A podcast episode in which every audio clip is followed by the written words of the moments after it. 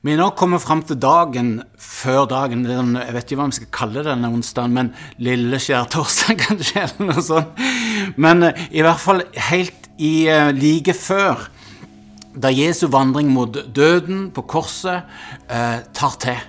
Og disiplenes svik og nederlag kommer på rekke og rad utover de neste dagene. Før de som de første får erfare friheten i Jesu tilgivelse. Så vi er rett foran her nå. Eh, denne her vandringa inn i påska sin store dramatikk. I forkant av påskefeiringen, når vi leser dette i Bibelen, så gir Jesus sine venner flere undervisning som peker framover. Framover forbi korsdøden og forbi oppstandelsen. Her i, i den undervisninga er det både utsendelse, og det er misjonskall, det er misjonspraksis. Og så er det fokus på, på de aller siste tider, da Jesus skal komme igjen og dømme levende og døde. Og et av stikkordene for tida fra Jesu oppstandelse til han kommer igjen, er at vi som tror på Jesus, skal være vitner. Vi har smakt og sett at Herren er god, og vi, skal, uh, vi har eh, blitt nære venner av Jesus. Vi vet at uten Jesus så blir ikke Jesu gjenkomst en fest. Og vi tror Guds løfte om at Han elsker så høyt at Han ga sin eneste sønn, sånn at hver den som tror på Jesus, ikke skal gå fortapt, men ha evig liv. Alt dette har vi fått, alt dette har vi. Vi er vitner. Våre enkle ord om Gud, våre handlinger, godhet, tegn og under, tid til å lytte osv. gir stadig flere muligheten til å finne veien hjem til Gud, få tilgivelse og få nært vennskap med Gud. Det er en kraft i vitnesbyrdet som hjelper folk til å oppsøke Gud en kraft i til å finne veien hjem. Jeg har sett det med egne øyne hvordan vitnesbyrdet om Jesus disse siste ti årene har beveget over 15 000 mennesker i Kambodsja til å reise seg, rekke opp, reise seg, komme fram, be frelsesbønnen, bli satt i huskirker hvor det kan vokse som disipler. Ut ifra vitnesbyrdet fra Bibelen og ut fra vitnesbyrd om forvandla liv fra de som har blitt kjent med Jesus. Det er en kraft i vitnesbyrdet som, som, inspirerer, og som, som, som Det er et eller annet der. Jeg har ofte forundra meg over historien om kvinner som hadde hatt blødninger i tolv år. Hadde prøvd alt, prøvd å få hjelp, ingenting hadde hjulpet. Og som en dag brøyte seg fram i mengden av folk, mens hun sier til seg sjøl Hvis jeg bare får rørt med kappa til Jesus, hvis jeg bare får rørt med kappa til Jesus, hvis jeg bare får rørt med kappa til Jesus, da blir jeg frisk, da blir jeg frisk. Hun, hun, hun har et fokus, og så tar hun ut Hvor har hun det fra? Hvor har hun den forventninga, den desperasjonen fra? I Det gamle testamentet så er det flere kapitler om hvordan noen med blødninger er religiøst ureine. Og alt det de sitter på og rører med, forblir òg uh, ureine og må renses. Derfor er det ekstra radikalt det hun gjør når hun brøyter seg vei gjennom folkemengden. Det var så mange folk rundt Jesus at hun, hun, må, hun må brøyde seg vei for å nå fram til å ta på ham i den forventninga om at hun blir helbreda. Hvorfor gjør hun det? Hvorfor gjør hun det? Og Noe av svaret fant jeg litt tidligere i historien om Jesus i Bibelen. Hør fra Lukas eh, 6, vers 17 og utover. Det står eh, det samme i Matteus og Markus. Og eh, akkurat i forkant av denne eh, teksten så har Jesus valgt seg ut tolv fra alle de disiplene som hadde begynt å følge han. Han har valgt seg ut tolv, som etter hvert skulle bli tolv apostler. Og så står det i etterkant at de har vært oppe på fjellet, og han har valgt ut de tolv. Så står det sammen med de gikk han ned igjen og stansa på en slette. Der var det samla en stor flokk av disiplene hans og en stor eh, mengde mennesker fra hele Judea og Jerusalem, fra kyststrøkene med Tyrus og Sidon. De var kommet for å høre ham og bli helbreda for sine sykdommer. Også de som var plaga av ureine ånder, gjorde han friske. Og så kommer det som, som, som, eh, som jeg vil stoppe med. Og alle i mengden prøvde å forrøre med han. For det gikk ut fra han en kraft som helbreda alle. Dette er, og Vi vet ikke hvor lenge før historien om, om kvinner med blødninger dette er, men her er det altså eh, mange som får erfare at når de rører med klærne til Jesus, så blir de helbreda. Og enda flere var vitne til det som skjedde. Og jeg tror at noen av de, og kanskje alle, eh, har fortalt om det de så og hørte, i så stor grad at kvinner som hadde blødninger, fikk høre om det og fikk tro. For en endring! Kraften i vitnesbyrdet eh, tror jeg gir kvinner sånn en målretta tro. At hun legger til side alt dette med urenhet og religiøse regler og takt og tone, og så, og så tar hun ut. Hun brøyter seg vei for å få tak i det som hun tror Jesus kan gi.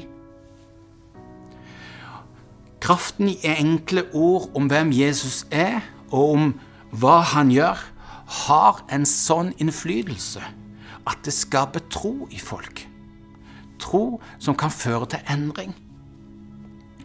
Og Før sin død så peker Jesus framover mot at han kommer igjen, og gir oss som tror, i oppdrag å tenne håp i folk, sånn at de får mot til å ta ut og finne veien hjem til pappa Gud. I denne påska og gjerne utover hele våren. Hva om, hva om vi deler enkelt om hva vi ser og hører om Jesus? Hva om min og din enkle historie om Jesus gjør at enda flere kan gå død og dom trygt i møte? Hva om ditt enkle vitnesbyrd kan heie på folk sånn at de finner veien hjem til Gud?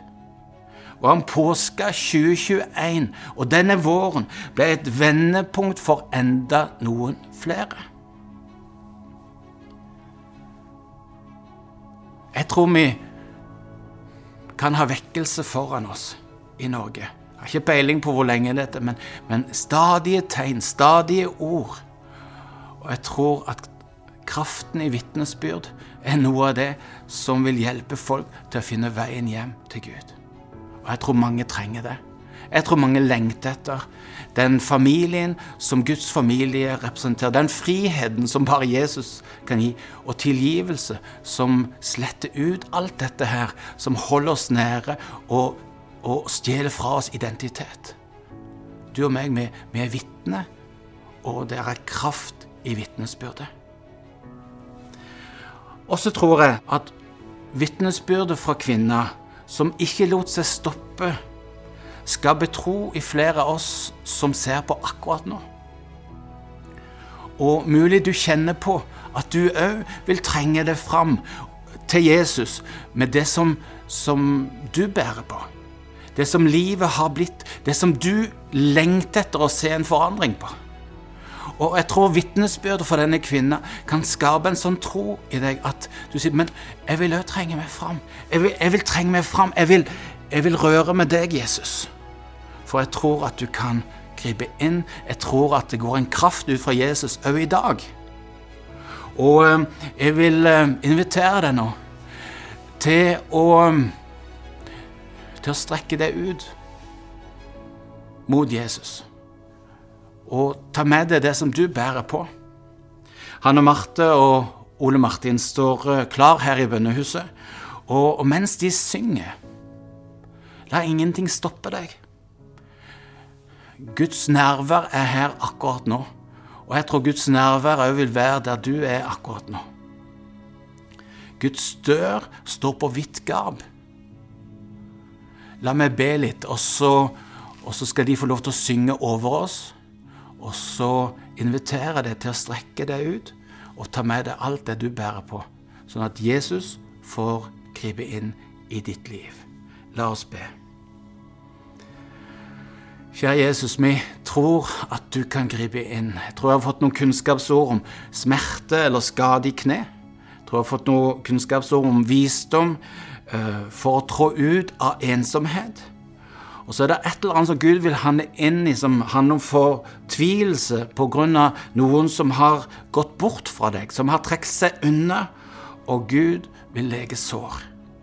Herre, vi takker for ditt nærvær. Vi takker for at ditt nærvær er akkurat her, på de ulike steder som vi nå sitter og hører disse ordene. Og vi tror at du kan gripe inn. Så nå strekker vi oss ut mot deg. Og eh, bærer med oss det som, som vi bærer på. Og vi tror at du kan gripe inn på en sånn måte at det blir forandring. Takk for ditt nærvær nå. Takk for ditt nærvær. Og at uh, ditt nærvær er som en åpen dør, og vi går inn.